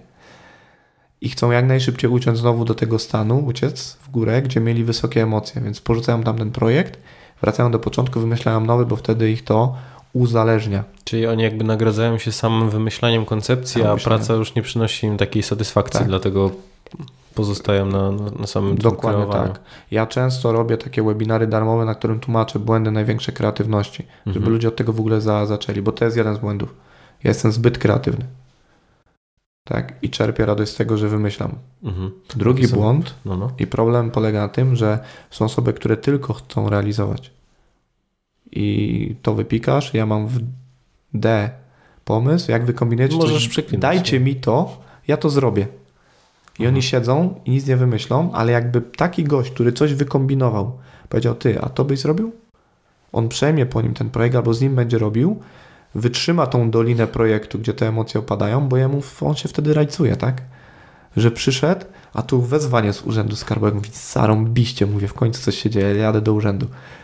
A kreatywny powiedział, no co, o co im chodzi, tak? Mhm. I, i chodzi o To, to, że nie można ich połączyć w pary po prostu? Dokładnie, świetnie wykombinowałeś to. Tandemy, to jest fajne rozwiązanie. E, firmy modowe są tak zarządzane, bo tam co pół roku musisz mieć we wszystkich sklepach kompletnie nową kolekcję. Mhm. Teraz to nawet przyspiesza, bo masz tam mid-season i tak dalej jakieś. I to musi być mega szybka i mega kreatywna firma. Więc one są zarządzane przez e, dyrektora kreatywnego i dyrektora takiego operacyjnego. No dobra, ale widzisz, po powiedzieliśmy sobie, że mamy tą kreatywność, która też objawia się w momencie, kiedy my zaczynamy wdrażać ten projekt. Tak. No i właśnie, co w momencie, kiedy mamy tego pana, który albo panią, która wymyśla ten pomysł na samym początku i on Mhm. mówi, dobra, ja tylko jestem tutaj od tworzenia wielkich koncepcji, a wy to róbcie. I te osoby, które zaczynają jakby wdrażać ten, te rozwiązania, no to, to ewoluuje. To nie będzie Tak. takie samo, w jaki sposób on albo ona sobie to Dokładnie założyli. tak. Więc pytanie, czy on powinien być zaangażowany, tylko kręcić nosem na, na rozwiązania, czy jak, jak to połączyć, nie? Dobry. Na przykładzie tych tandemów. Dobre pytanie, bardzo dobre pytanie. Jeżeli musimy, bo teraz tak, jeżeli oni ten projekt zrealizują i Mhm. na tym zostaną, nic z nim nie usprawnią, nie dokombinują nie wiem, nowych funkcji, nowych kolekcji i tak dalej, to ta firma umrze. Więc ta osoba, która jest kreatywna w firmie, wszyscy są kreatywni, tylko ta przez duże K, którą jarają wielkie koncepcje, Mhm. no to ona powinna raczej dostarczać pomysłów na nowe rzeczy, na wdrożenia, na szukanie nowych możliwości, na nowe rynki, na tą część taką, nie wiem, szczelam, może mówię takimi em, bardzo ogólniami, marketingową, sprzedażową i tak dalej. A osoby, które bardziej są kreatywne w tych detalach, tak, w realizacji, szukają rozwiązań już w trakcie realizacji i prowadzą tą realizację. Problem jest z tymi osobami kreatywnymi przez duże K, tak zwane, że one są niekonsekwentne, nie dbają o szczegóły i je nudzi ta realizacja. Mhm. I nie wytrzymają, nie dociągną tego do końca. A z osobami, które dociągną to bez problemu, problem jest taki, że one się boją większych wizji e, i boją się zaryzykować, bo wiedzą, jaką to będzie się wiązało realizacją. A osoby kreatywne przez duże K nie wiedzą, one nie mają bladego pojęcia i w ogóle tego nie, nie mają rozpatrują. doświadczenia w realizacji. No nie? bo nawet nie, nie, ten, nie, nie realizowały, tak. Więc to są bardzo fajne połączenia tandemów. Ja też pokazywałem na webinariach darmowych, jeżeli jesteś w one army person, nie masz tandemu, Mhm. tak, no to jak sobie radzić? Ja jestem. No, no tak, nie? Znaczy ja trochę nie wierzę w one army person, nie? Taki w, w ludzi, którzy dochodzą do, do wszystkiego s- sami. Bo jak ja się zastanawiam nad wszystkimi projektami, w których pracowałem, mimo tego, że wiesz, gdzieś tam byłem ich pomysłodawcą, to nie ma opcji, żeby dojść do czegokolwiek sam bez pomocy innych. Zawsze korzystasz. Czy to, wiesz, czy rodzajem pomocy jest to, że znajdziesz film na YouTubie, jak coś zrobić, czy po prostu kogoś zapytasz z większym doświadczeniem. Masz rację, ja tutaj też bardziej miałem na myśli, mówiąc e, one person army, że jesteś osobą jedną, jedną odpowiedzialną za e, cały projekt Mhm. e, i nie masz pracowników. Zawsze się możesz podeprzeć e, outsourcingiem, to nie jest problem. Tak? Dajmy do zmontowania filmik i tak dalej, i tak dalej. Musisz zarządzić to i wyłączyć od siebie rzeczy, których nie będziesz robił. Ale ja to też mówię o osobach, które chcą jedno i drugie. Czyli chcą i realizować i wymyślać. Mhm. E, I tutaj musisz sobie zbadać osobowość i zadać parę pytań, czy jestem bardziej jak ta osoba kreatywna. Ja nadałem persony na przykład w webinarze, to to jest łatwiej. Opisuję te persony i mówię, jesteś bardziej jak Weronika, kreatywna, Mhm. czy Wiktoria, już chyba tak to było, e, czy bardziej jak Robert, który realizuje, który jest sprawnym menadżerem. I ktoś tam mówi, a ja to Robert, a ja to Wiktoria. Ja mówię, słuchaj, to teraz część dla Wiktorii. Tu, tu, tu masz zagrożenia, zastosuj takie i takie metody, żeby się nie poddać w dolinie projektu. Bardzo prosta metoda tagowania swoich myśli. Ale to o szczegółach myślę, że nie wiem, czy nam czasu starczy. A na przykład dla Roberta stricte, dla osoby, która lubi realizację, ale może utknąć na czymś, bo nie ma tej wielkiej wizji, bo widzi ryzyka i bardziej jest realistą. Mhm. Na przykład prosta metoda jak Phoenix Checklist, gdzie ja utykam. Zadaj kilka pytań, zobacz, otwórz No, sobie głowę. że to samemu możesz wykonać, nie? Dokładnie, dokładnie. Więc tu chodzi o to, żeby się przełączać pomiędzy tymi osobowościami, metodami. A dla kogo jest kreatywność?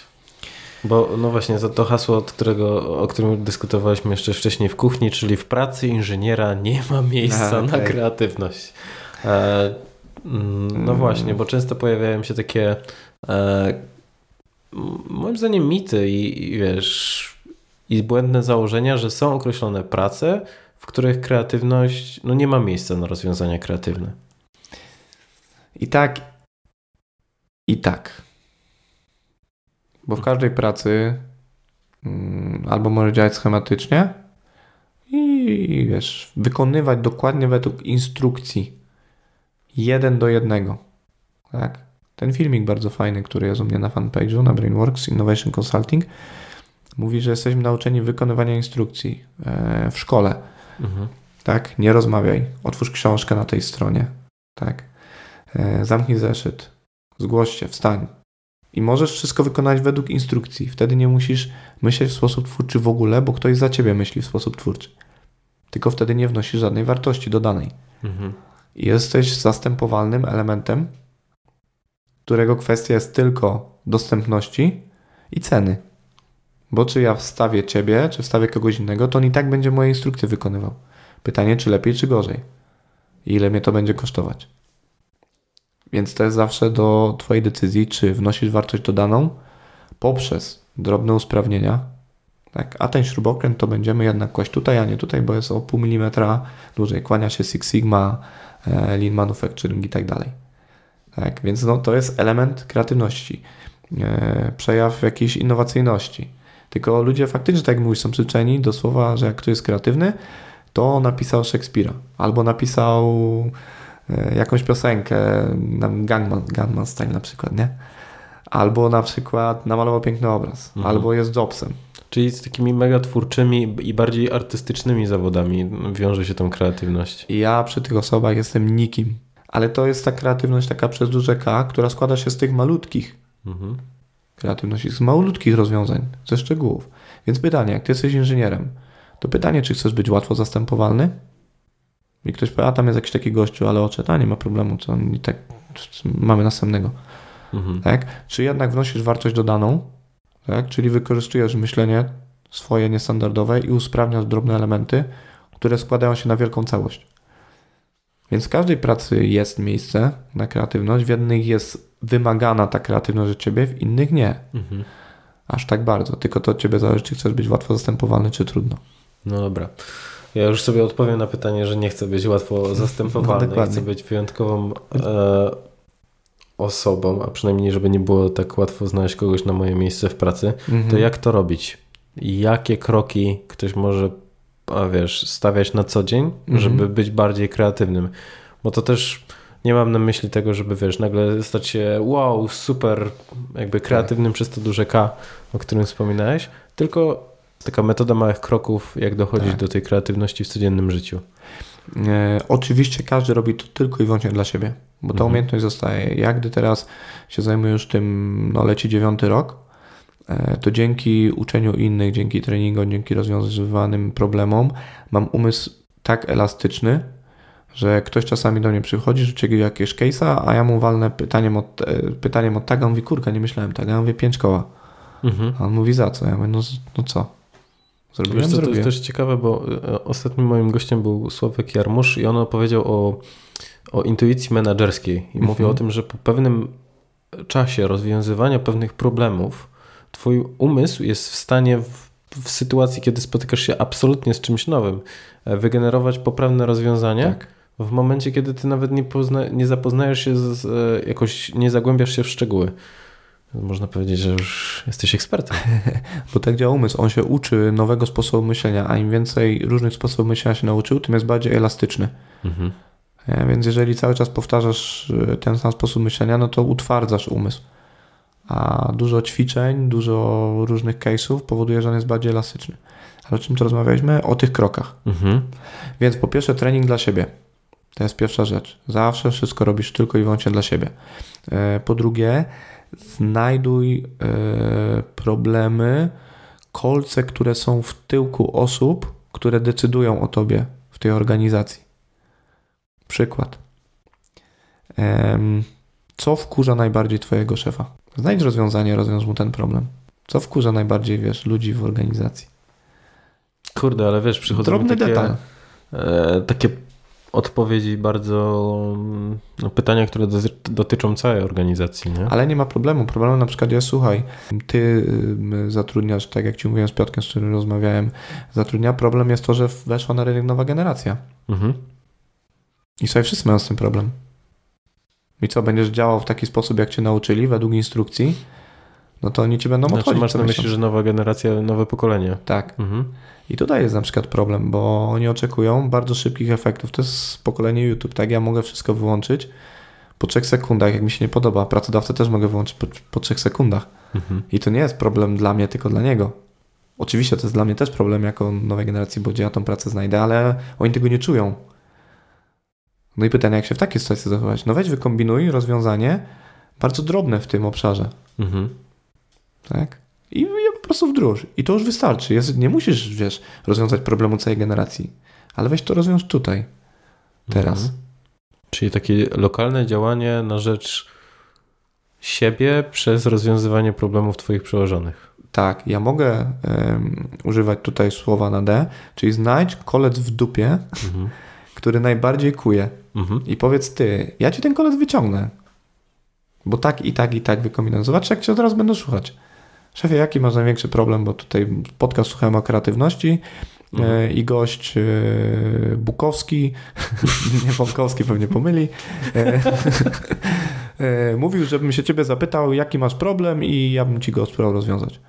Mhm. To on powie tak, ty, no ale dobra, bo widziałeś, co tu się dzieje u nas w firmie, nie? Mhm. że się ludzie spóźniają cały czas i wiesz, walczę, walczę, deleguję i tak dalej, a tu nic nie ma. No i możesz coś wykombinować organizacyjnego prostego. Może, może. Zobacz, jak inaczej będziesz sam gadał. Do kogo potem przyjdzie, jak się zapyta, ty jakiś problem trzeba rozwiązać? Do ciebie, bo cię kojarzy, że jesteś nie generatorem problemów, tylko rozwiązywaczem. Mhm. No i to jest ta wartość, dzięki której no, tą kreatywność, którą, tak jak mówisz, mitologicznie trochę rozumieją ludzie, może wnieść prostą wartość, która da ci korzyści dla siebie na przyszłość, no i też w tym momencie w pracy. Okej, to jedna rzecz. Co Mhm. jeszcze? Coś jeszcze przychodzi ci do głowy? Niech zrobią jedną na początek. Mhm. To jest raz, ale druga rzecz to też usprawnianie swojej pracy i oszczędność czasu. Ja jestem maniakiem pod tym względem. E, Często ludzie mnie prosili, e, ok, no to zrób jakiegoś Excela, który to ułatwi. I ja mówiłem, ale nikomu nie mów, bo jak się ludzie dowiedzą, to będą coś ode mnie chcieli. A to się wzięło z tego, że jak byłem na praktyka w Stuttgarcie, to e, robiliśmy nowe arkusze kalkulacyjne do planów marketingowych na Europę. Wiesz, też mnie wyłowili jako takiego gościa, który zawsze szukał usprawnień i tak dalej wzięli nas z kolegą, z Hiszpaną i zróbcie takie arkusze. A ja tak na szefu mówię, szefie, ale wiesz, że to są plany marketingowe na Europie? Ja mówię, no wiem. Ja mówię, "To czemu wy tego nie zrobicie? Oni mówią, bo my już nic nowego nie wymyślimy. A wy jesteście świezi, nowi, kumaci, szukacie rozwiązań, wymyślicie. E, więc y, w swojej pracy nawet, jak widzisz, że możesz zrobić coś lepiej, to to wykombinuj. Poświęć czas, usiądź pół godziny, godzinę, nie powtarzaj cały czas tych czynności bezsensownych, tylko weź to usprawnię, nie wiem. Tak, skanujesz faktury. Tak, mówisz, kurka, można by to robić szybciej, sprawniej i dokładniej. Tak, jak na przykład? No tak. A można by pominąć jakiś krok w tym procesie. Można by Mhm. coś wyjąć, żeby to było sprawnie? No można. To zrób to, kurka. Czyli to jest to, o czym wcześniej wspominałeś, czyli nie podążanie za instrukcją, tylko dodawanie czegoś od siebie. Tak, dokładnie tak. Mhm. żeby się tego nauczyć, że ja mogę coś usprawnić, coś poprawić, o jakiś drobny detal. I faktycznie, jak ktoś ci powie, a weź się nie wygłupiaj, tak? Narobiłeś się, narobiłeś się, a i tak tam, wiesz, damy ile musimy skanować. I ci powiedzą takie bufony, hejterzy. Tak, ale ty To powiesz, moi ulubieni, no. no, a ty powiesz, e, co cię to? Tak, ja sobie robię tak i oszczędzam trochę, jesteś zadowolony. Mhm. Po co, po co będziesz się wymądrzał? Rób No. tak, jak e, robimy, robiliśmy do tej Tak. pory. No taka jest prawda, bo to tak działa, że mm, ludzie nie lubią zmian. Mhm. A zmiana to jest coś normalnego i permanentnego teraz, szczególnie, że to bardzo szybko przyspiesza. Więc takie drobne detale, wiesz, masz jeden, e, jeden, jedno drobne usprawnienie i możesz z tym, słuchaj szefie, ja tu zrobiłem, skróciłem proces i teraz e, on o 30 sekund trwa mniej skanowanie na faktury, a mamy 400 tysięcy faktur rocznie. Mhm. A szef powie, ty, ale fajne. A mógłbyś to jeszcze trochę usprawnić? Czyli najpierw swoje, żeby, co ciebie wkurza najbardziej? Mnie na przykład bardzo wkurzało, że nie mogę odnaleźć jednych danych e, w takim projekcie, w którym robiłem całe wdrożenie. Plus te dane były w takiej formie, że nic z nich nie wychodziło, było trzeba zrobić najlepiej wykaz jakiś. I mówię, dobra, już mnie to tak wkurzyło, tak, że zamknąłem się w salce na klucz na dwie godziny, usiadłem, mówię, nie wyjdę stąd, dopóki tego nie zrobię. Zrobiłem po godzinie, bo to nie okazało się takie trudne. Poszedłem do zarządu, mówię, słuchajcie, chłopaki, fajne? Mówi, jak ty to zrobiłeś? Ja mówię, nie powiem wam. Fajne? Zarąbiste. Mówi, czemu żeś tego wcześniej nie zrobił? Ja mówię, bo myślałem, że nie mam czasu. Mówi, ale nam to przyspieszy w ogóle. Widzia... I już wołam dyrektora sprzedaży. Widziałeś, widziałeś, widziałeś Tomek? Chodź zobacz, co to jest? No to są nasze dane z, e, z aktywności użytkowników. Mhm. Tak, i to się samo robi, rysuje? Oczywiście do tego musi mieć trochę umiejętności jakichś technicznych, ale samo postanowienie nie robię znowu głupiej roboty, tylko sobie ją usprawnię. W jakiś drobny sposób już wystarczy. Bo często też jest tak, że ludziom wydaje się, że nie będą marnować czasu, bo czasami Tak. wdrożenie jakiegoś e, usprawnienia zajmuje czas i energię, Mhm. więc nie opłaca im się tego robić, tylko będą robić tak jak do tej pory, no bo po co się przemęczać. I czasami mają rację.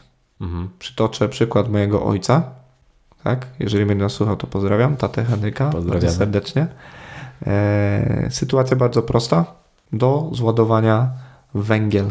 Tak? W sensie masz małą hałtkę węgla i musisz mhm. to wrzucić do, e, do, do kotłowni. Ja mówię ojcu zawsze, ojciec mówię, a może byśmy tu wykuli e, taką, taką dziurę i taki syp zrobili, że jak gość przyjeżdża z przyczepą, to z tej przyczepy by już do tego leciał, byśmy nie musieli tego nosić. A on na mnie patrzy i mówi tak, ty, ale tu są trzy tony i zaczyna padać. Możesz wziąć sipę i zacząć ładować. Sipa w, Wielkopolsce to jest taka szufla do, do, do ładowania. Też wyjaśnię, bo to nie każdy może wiedzieć. Tak. Okay. I ma rację chłop, bo bym siedział, kombinował, myślał, a tak naprawdę jest mhm. do zładowania, więc te rzeczy musisz robić nie w tym momencie, jak masz zasów. Jak pada i musisz się spieszyć, to jak znaleźć, zaplanować godzinkę w tygodniu, na dobra, siadam na godzinę i usprawniam coś. Mhm.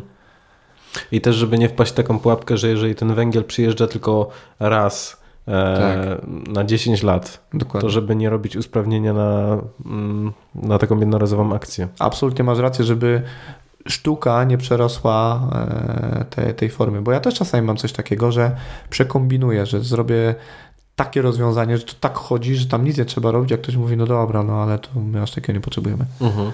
No ja też ostatnio Masz miałem, rację. miałem taką sytuację, że e, jeden znajomy, który jest świetny w pisaniu makr i wiesz, przerabianiu plików i usprawnianiu wszystkiego, stworzył takie usprawnienia, że w ogóle nie było mi to potrzebne. Wręcz mhm. dłużej zajmowało mi się uczenie korzystania z pliku, mhm. niżeli jakby usprawnienie, które było dla, dla mnie użyteczne. Więc stwierdziłem, że on zmarnował swój czas, mój czas tak. i tak koniec końców bardziej opłacało mi się skopiować starą wersję i jej używać. Tak. I teraz zobacz, bardzo ciekawa sprawa. Często e, ludzie, którzy myślą o jakimś biznesie, pomyśle i tak dalej, oni tak długo siedzą i tak długo dłubią, żeby rozwiązanie było idealne. Potem idą z nim do klienta, a klient mówi, ale ja nie potrzebuję takiej funkcjonalności. No. Nie? Więc tutaj się kłania właśnie, czy to Lean Canvas, czy Lean Startup, e, żeby robić jak najprostszą wersję i od razu iść i się pytać, co działa, no bo inaczej będziesz siedział przy tym komputerze 4 miesiące, zrobisz coś, co jest w ogóle niepotrzebne. Mhm. Nie? No ja też właśnie na początku, jak, jak zakładałem swoją pierwszą stronę, to wpadłem w taką pułapkę, że chciałem mieć wszystko dopieszczone tak, tak, że po prostu ekstra. I pamiętam, że największym problemem dla mnie było to, że w momencie, kiedy już wypuściłem ją w świat i ludzie zaczęli mówić, ej, to mi się nie podoba, tu mi to nie działa, to ja odbierałem to personalnie. No tak. Mówiłem, Boże, przecież tyle się napracowałem, zamiast podejść do tego w taki sposób, jak, o jakim ty mówisz, czyli tak. wypuścić wersję, jaka by była i ludzie ci powiedzą, to jest dokładnie tak samo jak z e, chodnikami, które buduje się w nowych osiedlach, że buduje się dopiero w momencie, kiedy ludzie wy, wydepczą... Wydepczą ścieżkę. Tak, wydepczą ścieżkę, nie? I to jest moje, moje ulubione jakby porównanie do tego, w jaki sposób można stosować to w biznesie, mhm. żeby ludzie wytyczali te ścieżki w, w, rzeczach, które ty robisz, czyli zobaczysz, w jakim najłatwiej mm, to wykonywać i dopiero tak. wtedy... I to jest takie podejście iteracyjne, e, bym powiedział, polegające na badaniu potrzeb. Mhm. A jest jeszcze drugie podejście, e, bardziej przełomowe. I tu w tym pierwszym podejściu na przykład design thinking, to jest taki framework, tylko on znowu jest dziurawy, bo musisz się podeprzeć jakimiś metodami kreatywnymi, żeby fajne pomysły tam mieć. Mhm. E, ale drugie podejście jest na przykład podejście bardziej rewolucyjne, przełomowe, gdzie ja nie robię żadnych badań, nie patrzę jak ludzie korzystają z tego, jak sobie rozwiązują problem, tylko zmieniam znaczenie danego e, słowa, danego urządzenia, nie wiem, danego obszaru danej usługi. Mhm. I to jest bardzo fajna metoda Design Driven Innovation z kolei gdzie my bierzemy bardzo fajną sprawę e, z Concordia Design, pani przedstawiała, też bardzo fajna firma z Poznania, jak oni zmienili znaczenie łóżka.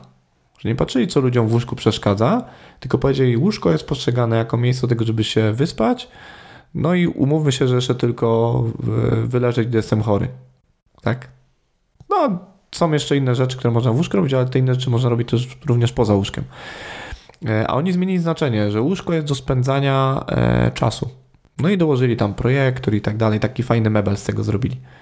Zmienili znaczenie. Oczywiście potem to testują, czy to się przyjmie i tak dalej, ale samo wyjście nie było od e, potrzeb użytkownika, tylko od zmiany znaczenia danego e, przedmiotu. w myśleniu, gdzie masz przełomową bardziej.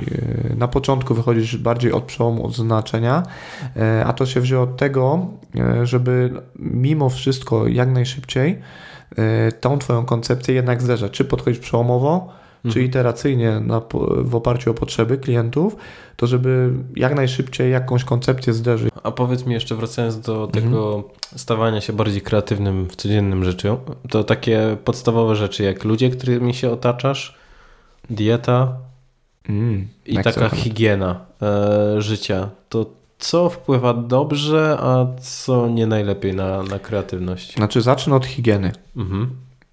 Ym, tak, warto brać prysznicę. Bo część osób, łącznie ze mną, pod prysznicem wpada na dobre pomysły. Mhm. E, Ale to jest związane z procesem inkubacji, e, który u różnych ludzi wygląda inaczej. Czasami mi na autostradzie przychodzą fajne pomysły do głowy, a mojemu koledze Jakubowi, którego też serdecznie pozdrawiam, na przykład przy zmywaniu naczyń, gdy to testowaliśmy. Mhm. Na co jego Ja mam narzeczona... tak, że w polskim busie mam najlepsze. Na przykład, tak? Na co, na co jego narzeczona wtedy teraz żona powiedziała, Kubuś, Kubuś, weź coś pozmywaj, może ci przyjdzie fajny pomysł do głowy. E, Więc to a propos higieny, troszeczkę tak żartobliwie. A propos jedzenia.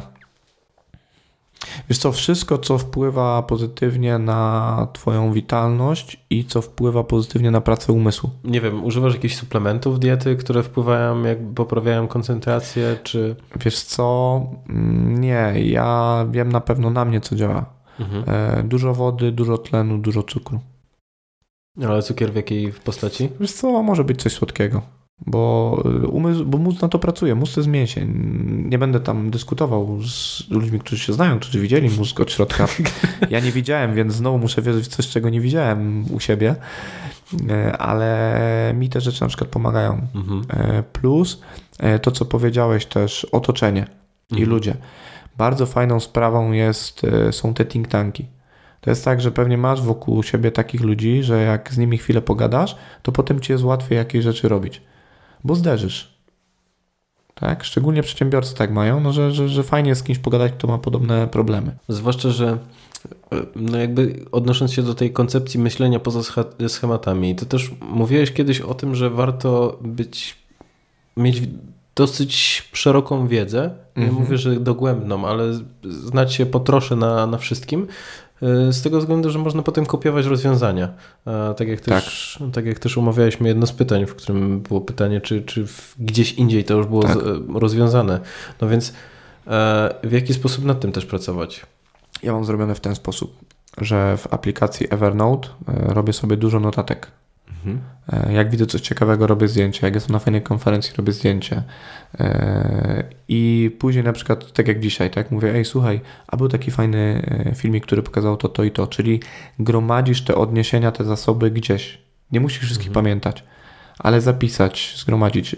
Nagrywanie ekranu, o którym Ci mówię, że gdzieś usłyszałem, że jest opcja też, że Ci robi od razu napisy pod tym. Mhm.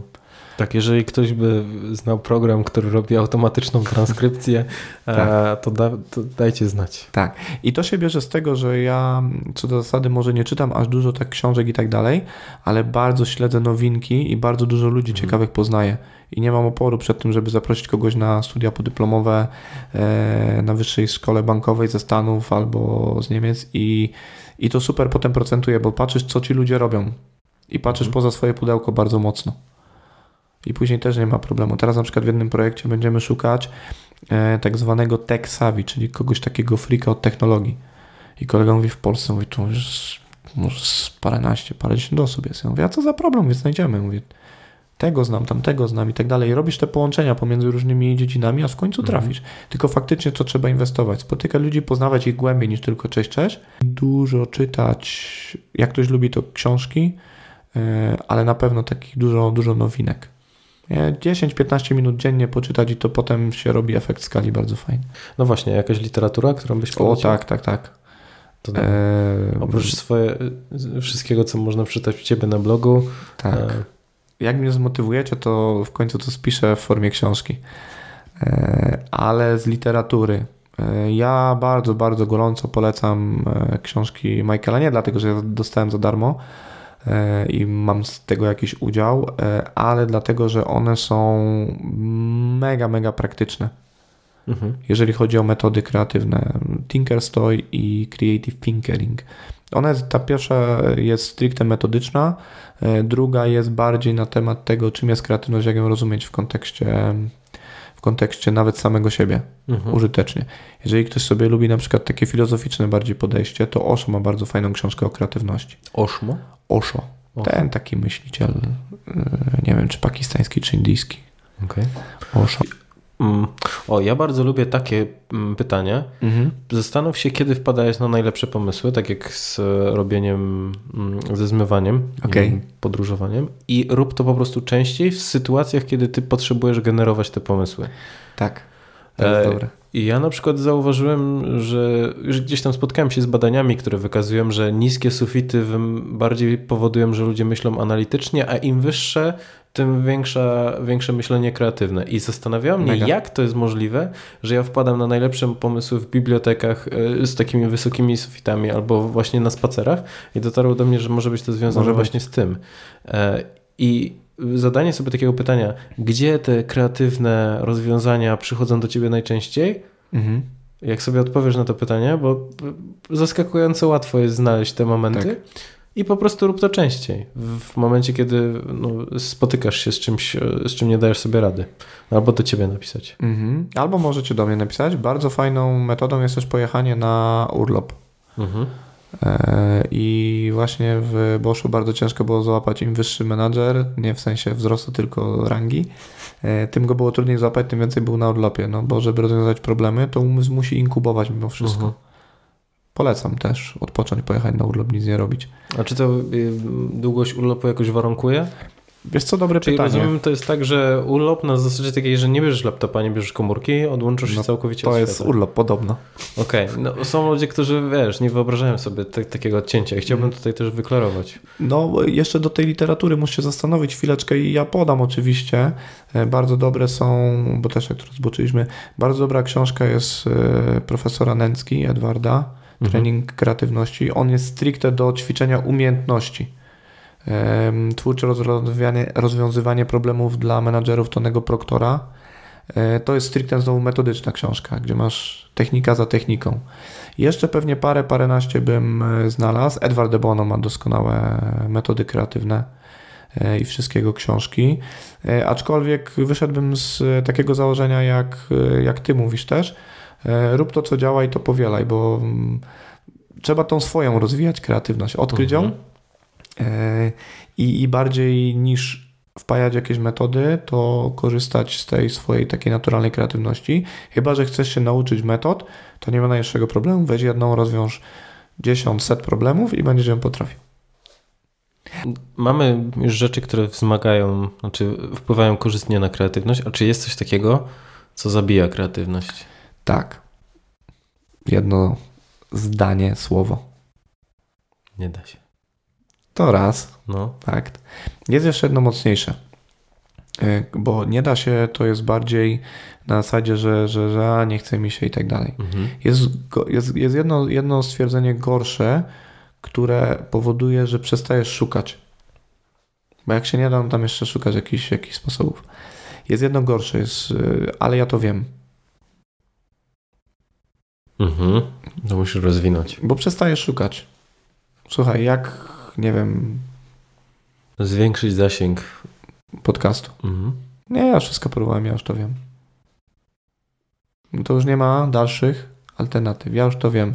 E, ważniejsze jest kwestionowanie tego, co wiesz. Mhm. Bo jest, nie jesteś jedynym człowiekiem na świecie. Jest, nie wiem, czy 8 czy 9 miliardów już. E, ale jest dużo więcej ludzi, którzy mieli te problemy, inne problemy, i Twoja racja która kończy się pod tytułem Ja już to wiem, no to jest koniec Twoich poszukiwań. Mhm. Czyli taki brak otwartości. Tak. Y, I pamiętaj, że jak sobie powiesz, dobra, ale ja już to wiem, to to jest stop dla kreatywności Twojej. Mhm. Nie, bo już więcej nie szukasz. Czyli powinna się zapalić czerwona lampka w momencie, kiedy sami sobie coś takiego mówimy. Tak. Albo ktoś nam to mówi, że coś wie. Ale ja już to wiem, nie? Ale to tak powinno być, no, bo to próbowałem. tak działa, nie? Już próbowałem. Kiedyś miałem taką sekretę, żeby wykombinować lokalizator rowerowy e, dla człowieka, który zajmuje się tą, tą branżą już dosyć długo z Wrocławia. Mhm. No i ja mówię, słuchajcie, macie jakiegoś eksperta od tej dziedziny mamy. Wzięli, to dajcie jednego, bo jeden tak jest potrzebny. Nie za dużo, bo was zagadają. E, wzięli jednego i gościu przyszedł i mówi, ale ja wiem, to musi być tak, tak i tak i tak. A ja w końcu, e, to, był, to była jedyna sesja, na której wywaliłem kogoś z sesji i powiedziałem, mówię, no to ale jak to wiesz, to czemu tego nie robisz? Mhm. No, bo to nie jest takie proste, tutaj ten, ja mówię, o i teraz zobacz, nawet lepsze jest powiedzenie, że to nie jest takie proste i to się nie da, bo szukasz sposobów, a jak mówisz, że ja już to wiem, to jest odcięcie totalne. Tak, odcinasz rozwiązania. Więc uważaj, jak sobie w głowie mówisz, ja też tak często mam, że kogoś słucham, mówię, ale ja już to przecież wiem, ja już to przerabiam. Nie, no słuchaj go dalej. I patrz, oczywiście ty do koń, na końcu ty masz wybór, i możesz powiedzieć, nie, dobra, nie myślę kreatywnie, bo już starczy. Przechodzimy do realizacji. Wiem, jak to zrobić, przechodzimy. To wtedy jest ok. Ale jak szukasz pomysłu i pojawi się w głowie e, myśl, ja już wiem, to ona cię mocno zastępuje. E, I co jeszcze zabija kreatywność? Co też taką ciekawą metaforę zawsze osobom zarządzającym pokazujemy. Słuchajcie, wyobraźcie sobie, że tu jest e, taki wielki baniak do robienia wina. Mhm. Kojarzysz? Mała tam. Gąsior. Gąsior, właśnie, dokładnie. E, mała szyjka, e, duża, duża, duża butla. I teraz wyobraźcie sobie, że tam wrzuciliście takie e, świeczki do podgrzewaczy, jak, jak są na przykład. Tea lighty. No. Tak, tak, tak. I nawrzucaliście tam tego, tego dużo i to sobie tam się świeci, tak? I teraz lekko przytkacie tego gąsiora i one zaczynają gasnąć, nie? A jak zdążysz e, otworzyć zanim zgasną, no to rozpł rozpłoną jeszcze. Mhm. Ale jak już raz zgasną, no to weź teraz zapal. Z góry, przez tego gąsiora. No świeczki są do wrzucenia. I tak samo z pracownikami. Że jeżeli e, ty w nich raz, drugi, trzeci przydusisz ich inicjatywę do usprawniania, już nie będę mówił o kreatywności, tylko taką prostą rzecz. Mhm. Jak wykombinują wdrożenia, ty powiesz, ty, ale to jest głupie, nie róbmy tego jeden, trzeci, albo drugi raz. Nie, po prostu nie pochwalisz, nie? Albo, albo nie pochwalisz, e, to oni już kolejny raz tego nie zrobią, bo po co? Jak, mhm. Wiesz, ani, ani nie chcą tego zrobić, e, ani pochwały, a pieniędzy za to nie mam więcej, to po co ja się mam wysilać? I oni mówią, ale tak to nie jest. Ja mówię, jest. Jak mówisz, że twoja firma jest nieinnowacyjna, to ty jesteś, że palce wtykasz. Przestrzegasz ludzi, którzy mają do czynienia z zarządzaniem, że jeżeli tak. niedoceniane będzie wprowadzanie usprawnień na jakimkolwiek e, tak naprawdę tak. stopniu, e, no to, to po Świeczki prostu Świeczki zgasną. Świeczki zgasną. Bo nie trzeba nowe zrobić, bo one już nie zapłoną. Mhm.